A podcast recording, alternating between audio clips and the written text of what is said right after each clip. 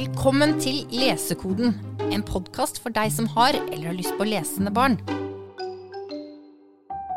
Hva kan vi lese etter Harry Potter? Har du noen gode gråtebøker? Nynorsk? Er dette fine ord? Har dere et tips til en niåring? Har dere bøker som ikke er for tjukke? Krig og sånn? Har dere noen bøker om følelse? Noe av det første som fanger barns litterære interesse, er det dramatiske og skumle. Ettåringer kan hyle av fryd når vi snakker om det å slå seg, og ikke minst om blod. Men mange foreldre lurer på hvor grensene går for øyeblikkets moro, og det som kan føre til årelange mareritt og mørke redsel. Jeg heter Ingrid og jobber som formidler på Deichman. Og med meg på denne live-innspillingen har jeg min gode kollega Pernille. Hallo. Du gjør akkurat det samme som meg. Ja, det gjør jeg hver dag. Og Ikke minst vår gjest, Anita Berge. Hei, hei. Velkommen. Takk.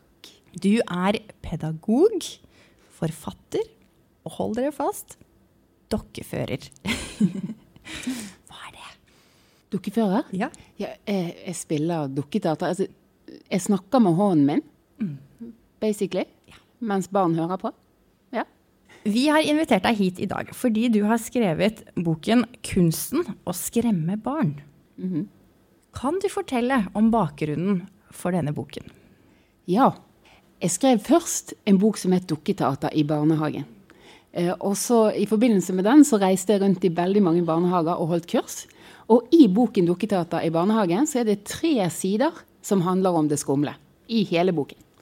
Men det jeg fikk spørsmål om etter kurset var ferdig, det var alltid de tre sidene. Det var en kjempeinteresse for hvordan formidler vi det skumle uten at det blir for mye. Er det i det hele tatt greit å formidle det skumle? Altså, Det ble alltid veldig gode samtaler av det. Og så begynte jeg å lete etter mer litteratur, og det fins ikke. Det var ikke på norsk eller dansk eller engelsk. Det var et kjempeproblem å finne bakgrunnslitteratur til boken, faktisk. Så jeg fant ut denne boken må jo skrives. Og så gjorde jeg det. Du tok ansvar. Jeg tok ansvar. Kan du fortelle litt um, Ja, nå sa du jo egentlig litt om det, for jeg tror spesielt mange foreldre kan kjenne seg igjen i det i frykten for å påføre barna ubotelig skade. Og kan, kan, kan man det gjennom bøker? Jeg tror det er veldig vanskelig å gjøre.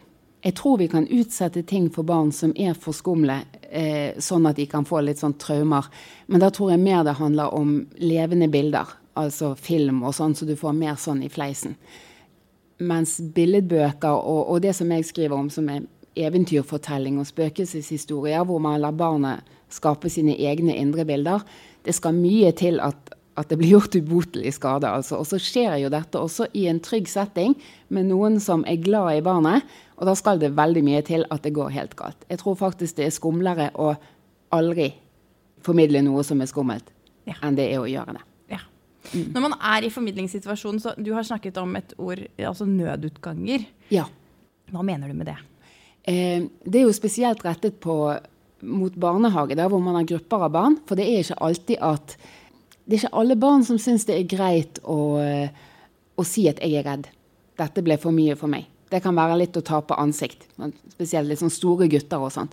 Så det som kan være lurt, det er jo at hvis man skal fortelle noe eller formidle noe som man vet er litt skummelt, så går det an å sette en av de voksne på kjøkkenet, og så kan man si på forhånd at hvis noen ikke får lyst til å høre på lenger, så kan dere gå ut og hjelpe Ingrid på kjøkkenet. Sant? Det er en nødutgang. Der kan barnet gå ut uten å tape ansikt. Eh, Og det er noe med å, å ta barnet på alvor. At det, det er greit å På samme måte som hvis jeg ser en film på kino som er for mye, så kan jeg faktisk reise meg og gå. Sant? Det, ja. Så at hvis man er litt usikker på ja, blir dette for mye eller ikke, Ja. så lenge du sørger for at rammen er trygg, selvfølgelig, men Mm. også at det, at det kan være en vei ut. Det kan Så være en vei ut. Ja. Jeg lurer også veldig på skulle kanskje vært det første spørsmålet, da. Eh, ville vi gjort det enklere for oss selv om vi bare eh, liksom droppet skumle bøker? Nei, det tror jeg ikke. Jeg tror vi ville tatt vekk eh, Altså Hvis vi tok vekk det skumle i verden generelt, så hadde verden blitt et forferdelig kjedelig sted. For det er jo sånn at helt fra vi er bitte små, så blir vi dratt mot det skumle. Eh, når barn ligger på stellebordet, og så leker vi borte i titei, og der har vi jo det her frydefulle lille grøsset når «Å, Mamma er borte. Å, nei, hun er der igjen. Eh, eh, sant? Det er noe som ligger i oss. Og altså, nå har det nettopp vært påske. Og hvis vi tar den er- erkenorske påsken, hvor bestemor sitter i Hun har gått på bortoverski, og nå sitter hun i solveggen på hytten med appelsin og en Kvikk Lunsj, og så leser hun en bok, og da skulle man jo tro hun leste noe litt sånn hyggelig. Nei, da tar hun opp en bok om en eller annen bestialsk seriemorder som halshogger og myrder og sant, ja. Eh, eh, og, og det er jo også derfor vi står i kjempelange køer for å kjøre berg-og-dal-bane. Vi, vi sånn vi har en dragning mot det skumle, og den kommer fra vi er ganske liten. Så det er jo én viktig grunn da, til å, å, å, å formidle grøss. Den viktigste grunnen syns jeg altså, det er gøy. Det er rett og slett gøy, og, og det gir rom for store følelser og det dramatiske og den store stemmebruken og de store bevegelsene. og fra barnehage som jeg kommer fra, så er vi av og til litt tannløse og litt forsiktige, og det er mye fingerregler og det er mye sånt. Så det å liksom kunne ta det ut, det er viktig. Og så er det jo det at barn føler frykt.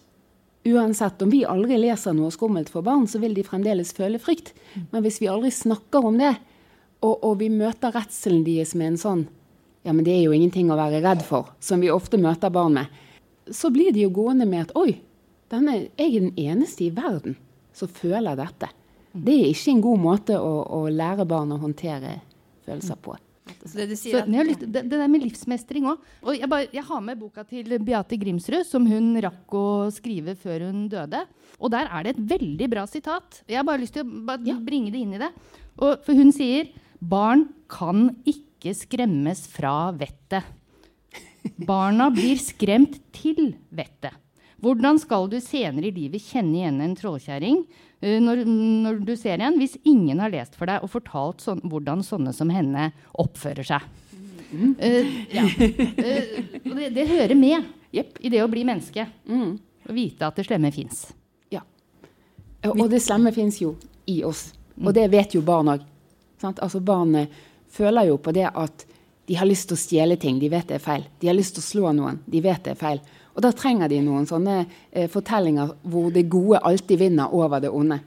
Sant? Det er jo det som er hemmeligheten bak eventyr. Sant? For vi er jo i et eventyr så er vi jo Vi, vi har jo alle den sjalu stemoren og eh, den eh, snille jegeren og eh, de hjelpsomme dvergene og eh, den vakre prinsessen. Og, sant? Altså, vi har jo alle de tingene i oss, og vi trenger å vite at det er det gode som vinner. Det er noe med å gi barn håp om ja, det kommer til å gå bra. Og kanskje også få spilt ut det fæle. Ja. Mm. Uten å være direkte involvert. Jepp. Men jeg, jeg syns ikke vi først og fremst skal gjøre det fordi det er terapeutisk. Vi skal først og fremst gjøre det fordi det er gøy. rett og slett. Vi skal snart gå over til boktipsene. Mm. Men før vi gjør det, så vil jeg gjerne at du skal forklare litt om de to hovedretningene innen skummel litteratur. Ja, eller skumle fortellinger, eh, For ja. som, er, som er grunnlaget. Og det har jo, vi har eventyrene, folkeeventyrene som jeg har konsentrert meg om, og så har vi spøkelseshistoriene. Og de nærmer seg det skumle på to veldig forskjellige måter, og det ser vi igjen i litteraturen. Så i eventyrene så er det onde er skikkelig, skikkelig ondt. Det er liksom fæle hekser og grusomme troll, og de gjennomonde og eh, karakterer i eventyr er jo alltid veldig ensidige. Man er enten ond eller god. Eh, og, og det gode vinner alltid. Og selv om det er ondt, og, og det som skjer kan være ganske sånn bestialsk, så det, bruker man et veldig nøkternt språk. Eh, I eventyrene så er det Altså ordene forklarer handlingen, vi, vi, vi beskriver ikke omgivelsene. Det var en det var en gang for veldig lenge siden, langt, langt borte. Liksom? Det, det er mer, eh, vi er ikke mer nøyaktige enn det. Eh, Og det gjør jo også at dette veldig veldig onde er langt fra oss, som er greit. Men hvis vi tar f.eks. Askeladden som kappet med trollet, som jeg regner med at alle har hørt, eh, så er jo det egentlig et ganske dramatisk bilde der hvor trollet skjærer hull på, ta, på magen sin og dør. Men, men vi maler ikke ut med liksom Og så tøt tarmene ut, og blodet fløt nedover. Sånn. Vi, vi gjør ikke det. Vi bare sier det. Og så eh, lar vi det, de ordene stå for seg sjøl. Mens i spøkelseshistorien så gjør vi det stikk motsatte. Der er beskrivelsene hele historien ofte. Og det er veldig spesifikt. Og det er veldig ofte en sånn FOAF, friend of a friend, en venn av en onkel, opplevde dette. Det er helt sant. Ja, sant? um, og, og vi maler ut hver bloddråpe og hvert knirk og, og alt som er mørkt og skummelt og sånt. Men veldig ofte så er ikke det skumle skummelt på slutten av en, eh, en spøkelseshistorie. Det viser seg å bare være ha-ha-ha, en eh, Vinduet som slo. Ja, vinduet som slo, eller eh, en sjokoladeplate, eller altså et eller annet helt absurd. Så, så det, det, er jo da altså I eventyret tar man på en måte de, de ordentlig onde, skumle tingene og lar de gode vinne over de, mens spøkelseshistorien viser at det som vi tror er skummelt, er ikke alltid skummelt. Men, men spøkelseshistorien de har også litt øh, åpne slutter noen ganger. Ja, noen, spesielt at, for eldre barn så har de det. At man ikke konkluderer og lukker historien mm. og avslutter dem, men at ting blir hengende sånn litt ekkelt i lufta. Yep. Og, det da er vi, og da er vi over altså Nå er jo jeg mest på barnehagefeltet, sant? og da unngår vi ofte de. ja, ja. Eh, men, men, da snakker vi om de spøkelseshistoriene som virkelig er skumle, hvor det er noe skikkelig skummelt, og så tror man det gode har vunnet, og så banker det på en gang til. Og så er boken ferdig. Ah, så er man ikke ferdig. Ja. Og det ser vi jo også igjen i, i, bøker. Det er jo en del forfattere som bruker det grepet. Og da, det blir mye mer skummelt når det mm. ikke er lukket. Mm. Vi skal snakke mer om det etterpå, men nå skal vi gå over til boktips. For apropos det fæle, så har vi hatt liggende på kontoret en bok som du har trukket fram. Snakker du om Den grønne hånden? Ja. ja. Dette er de gamle spøkelseshistoriene som har blitt muntlig overlevert og skremt barn i generasjoner. Og de, dette er akkurat de fortellingene som jeg hatet da jeg var barn. Jeg hatet å bli skremt. Og, og, hvis man skal snakke om hva vi ble redd for altså Det mørket, greit. Monstre, alle sånne ting, greit. Men for meg, det å skvette det har vært virkelig det, verste av alt. Og de der, når jeg ante, hvis jeg ble invitert til bursdag, at nå skulle bli mm, fortalt spøkelseshistorier på kvelden Jeg gikk ikke den bursdagen. Det bare, jeg gjorde ikke. Ved at noen skulle skremme meg og få meg til å skvette. Og her er alle de. Og når jeg ser de nå, så ser jeg det er jo kjempefine fortellinger. Kan, altså, de er strålende, og veldig bra at de med jevne mellomrom blir skrevet ned og fortalt videre. Og i akkurat denne boka, 'Den grønne hånden', da er det Eva Eriksson som har illustrert, og hun er en vi virkelig kjenner.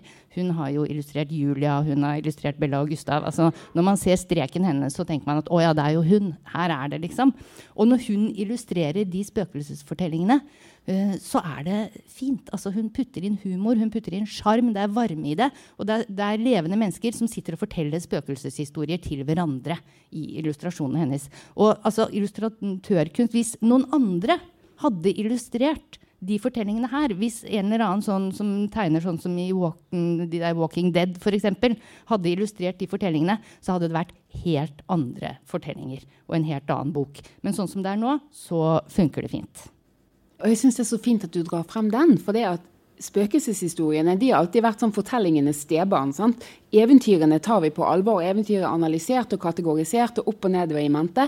Det er veldig lite nedskrevet av spøkelseshistorier, så vi må ta vare på det vi har, og bruke det. Mm. Dette er en sånn godbit fra kjelleren på Deichman. Ja. Det, ja. det, passer at den er i kjelleren. Mm. Ja. en av dine favoritter for de litt mindre er den boka som er lilla, som ligger der. Denne her, som heter 'Knokkeldans', er skrevet av Bjørn Ausland.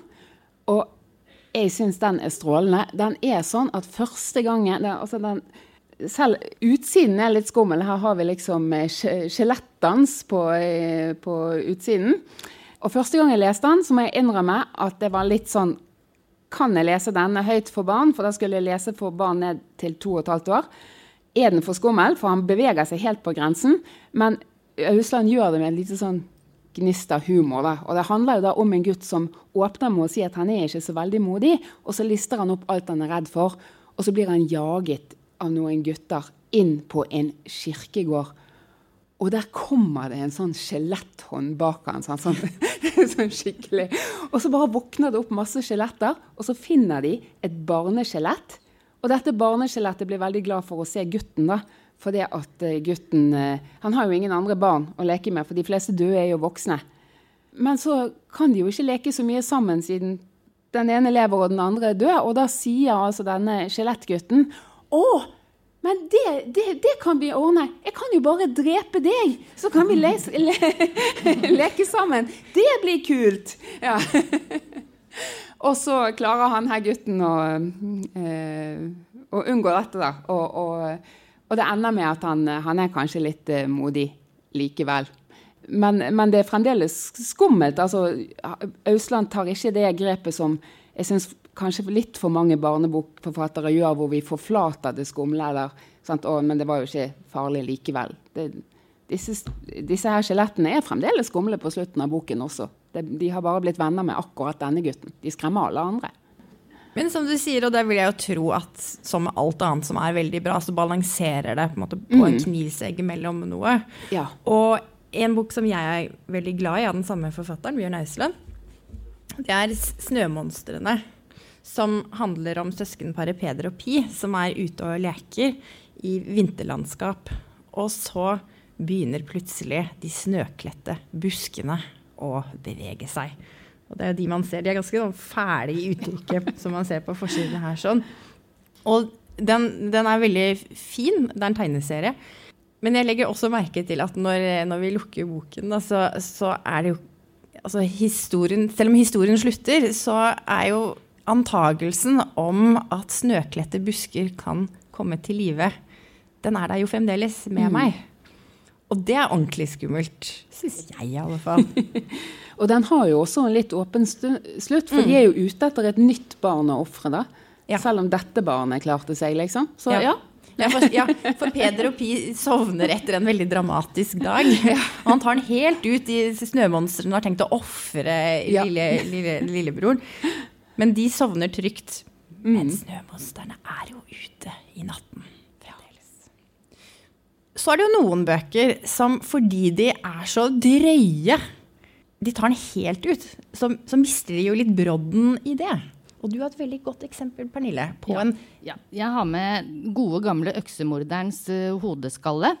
Uh, den kom uh, for ganske lenge siden, kom i 2012. Men det er en sånn bok som jeg stadig vender tilbake til. Og, og den, den, henvender seg ikke til barnehagebarna, bare så det er sagt med en gang. Den henvender seg til mellomtrinnet. Og det er to gutter. Eh, de, de, har lyst til å tjene kjappe penger. Og de finner ut at hvis de finner en hodeskalle som de kan selge til han som jobber i den lokale videosjappa, så kan de tjene en tusenlapp. For han har veldig lyst på sånn hodeskalle til, mm, som dekorasjon på disken. Så de graver opp en hodeskalle på kirkegården, og det viser seg å være hodeskallen til uh, den gale øksemorderen Orla Kofod. Og han er en lærer. Han var en lærer før han døde, som ble helt fullstendig gal, og han myrdet alle elevene sine. Han myrdet ikke bare én elev han ikke likte, men han myrdet hele 6B med øks. Og det er helt strålende. Og, det er på en måte, og selv om det er en litt åpen slutt her altså Hans gjenferd det gjenoppstår jo da selvfølgelig når de graver opp hodeskallen. Og uh, gjenferdene til hele 6B de kommer også og liksom prøver å hjelpe disse hovedpersonene med å unnslippe denne øksemorderen. Det er veldig bra, og de unnslipper til slutt, men det er en åpen slutt. Det, det konkluderes ikke helt. Men det er så far-fetched, så, så, man blir ikke redd. Det er mer gøy enn skummelt. Dette med åpen slutt, du sa det jo egentlig i stad også, at det er jo, det er jo noen bøker som, som, hvor de minste kan lese det og ikke reflektere så mye over den åpne slutten. Ja. Så det kan man jo som, som formidler også tenke over at uh, Ja, at hvis, hvis, en bok er Altså hvis du leser for den yngre delen av målgruppen, på en måte, så er det ikke alltid at de får med seg trusselen som ligger i en åpen slutt, mens de eldre barna vil gjøre det. Så av og til så virker en bok litt omvendt av det vi tenker, at den er faktisk mindre skummel for de yngste barna enn den er for de eldste, fordi de eldste forstår flere lag i boken. da. Mm. Mm. Så det er viktig å huske på. Ja. Det fins også bøker som åpent tar for seg det, det å være redd. Ja. Og vampyrvarsel. Denne her den bruker jeg mye til tredjeklasse, faktisk. Den er fin for tredjeklassinger som, har, som tåler litt tekst. Uh, Titti hun er kjemperedd. Hun er sånn som jeg var. Uh, hun hater å bli skremt, hun hater å skvette, hun hater halloween. Heldigvis feiret vi ikke det da jeg var barn. Heldigvis for meg. Men i hvert fall, uh, Titti hun konfronteres med halloween jevnt og trutt hvert år, og hun gruer seg kjempemye. Men så, altså, i blokka der hun bor, der er det en tom leilighet. Og en dag så står hun i vinduet sitt, og så ser hun den nye naboen ankommer i bil og flytter inn i denne leiligheten. Og ut av bilen så kommer det en dame i lang, svart kappe. Hun, hun svever litt over fortauet og, og, og, går inn og hører hun kommer opp trappa og forsvinner inn i leiligheten ved siden av. Og, og Titti skjønner at dette må være en vampyr. Og, som hun har fått som nabo. Og så rett og slett begynner hun, selv om hun er veldig veldig redd, så begynner hun å spionere på naboen. Og utvikler seg i løpet av boka. ikke sant? Du kan jo tenke deg, Hun overvinner den ene terskelen etter den andre. og ja, Om å være redd, altså. Og den heter 'Vampyrvarsel' og er skrevet av Anna Holmstrøm Dagemann. Vi har snakket uh, litt om hvordan bilder og tekst litt, på litt forskjellig måte kan skape skummelhet. Er det et mm. ord? Ja. Kan du si noe mer om det? Ja, jeg har tatt med meg to bøker her som eh, illustrerer det fint, syns jeg. For og ofte er det jo sånn at vi, når vi voksne tenker på det skumle, og vi skal formidle det skumle, så tenker vi sånn vampyrer og spøkelser og skjeletter og sånt. Mens for barn så er det mye rart som kan være skummelt. Og det trenger ikke være så eksplisitt. Jeg har tatt med to bøker jeg liker veldig godt. Det er 'Gorm er en snill orm' av Camilla Kuhn. Og her ser vi på forsiden så ser denne helt ufarlig ut. Det står altså der går med en snill orm, og her ser vi snille Gorm som setter plaster på magen til en mus fordi han er en snill orm. Ja. Og så er det Jon Klassen som har en liten uh, underfundig bok 'Det er ikke min hatt'. Her er det bare en liten fisk. Men teksten i disse bøkene fins ikke skummel i det hele tatt. Men bildene er det. Så i denne 'Går med en snill orm' så forteller han hele tiden hvor snill han er. Han er snill, men han er veldig, veldig sulten. Det er litt vanskelig. Han er snill, han spiser ikke mus. Han, spiser, han kjøper boksemat, men boksemat er dyrt. Han har ikke så mye penger. Og det er fryktelig å gå og være så sulten, og det er mus rundt han overalt. Men så finner han ut at hvis han bare gjør noe, f.eks. går på kino eller museum, og lukker øynene litt, da blir han ikke sulten lenger. Da forsvinner ofte de musene som er i nærheten av han òg. De er borte fra neste bilde, og så er magen til Gorm litt større. Altså, det er veldig sånn subtilt. Og det er helt strålende å formidle med barn. Jeg jobber med flerspråklige barn eh, mye. Og, og, og, da er det jo noe med å, det å ikke bombardere dem med en masse mengde norsk tekst, men heller åpne for en samtale. Og det er så gøy å se når barn Det går opp for dem at Å, å ja, ha-ha. Det er det som skjer, liksom. Det, det, er skummelt på et annet nivå, men det er veldig gøy. Og det er det samme med denne her fiskeboken, hvor denne litt selvtilfredse fisken sier ja, det er ikke min hatt, jeg har stjålet den fra den store fisken. Han kommer ikke til å savne den, passet ikke til han uansett. Og så kommer den store fisken da etter han. Og så er det litt sånn implisitt at denne lille fisken blir spist uten at vi ser han bli spist. Det er også en sånn aha-opplevelse for barnet. Og jeg liker forfattere som behandler barn som intelligente lesere, som jeg syns disse forfatterne gjør, ved å ikke overforklare alt. Mm. Du har også en sånn bok på din ja, leseliste. Akkurat samme prinsippet, egentlig. Og det er uh, den serien her uh, av Venblad om uh, Ebba og vennen hennes Boris. Og Boris er et monster. Det sies ikke på noe tidspunkt i teksten. Altså, det er en helt hverdagslig, hyggelig historie om Ebba som får en ny venn, og så blir hun med han hjem. Og det er bare illustrasjonene som forteller at uh, Boris er et monster, og familien hans er vampyrer, og kjæledyret hans er en varulv. Og, det, ja, det, det, det, ser man bare i tegningene. Mm. Selve formidlerstudien mm. er jo også litt viktig å ta med i betraktningen når man skal tenke ja, skumle bøker for barn. For, og, og, kan påvirke det i den ene eller andre mm. retningen. Har du noe klokt å si? Altså, det viktigste er jo å lage en setting hvor barna føler seg trygge. Og, og, der er det noe med å huske at en treåring trenger ikke de samme skumle effektene som en voksen vil gjøre. Og jeg har fått noen spørsmål om det fra boken min, hvor jeg har eh, noen sånne oppskrifter på små ting du kan lage, og så sier folk men de er jo ikke skumle. Nei, men du er ikke to år.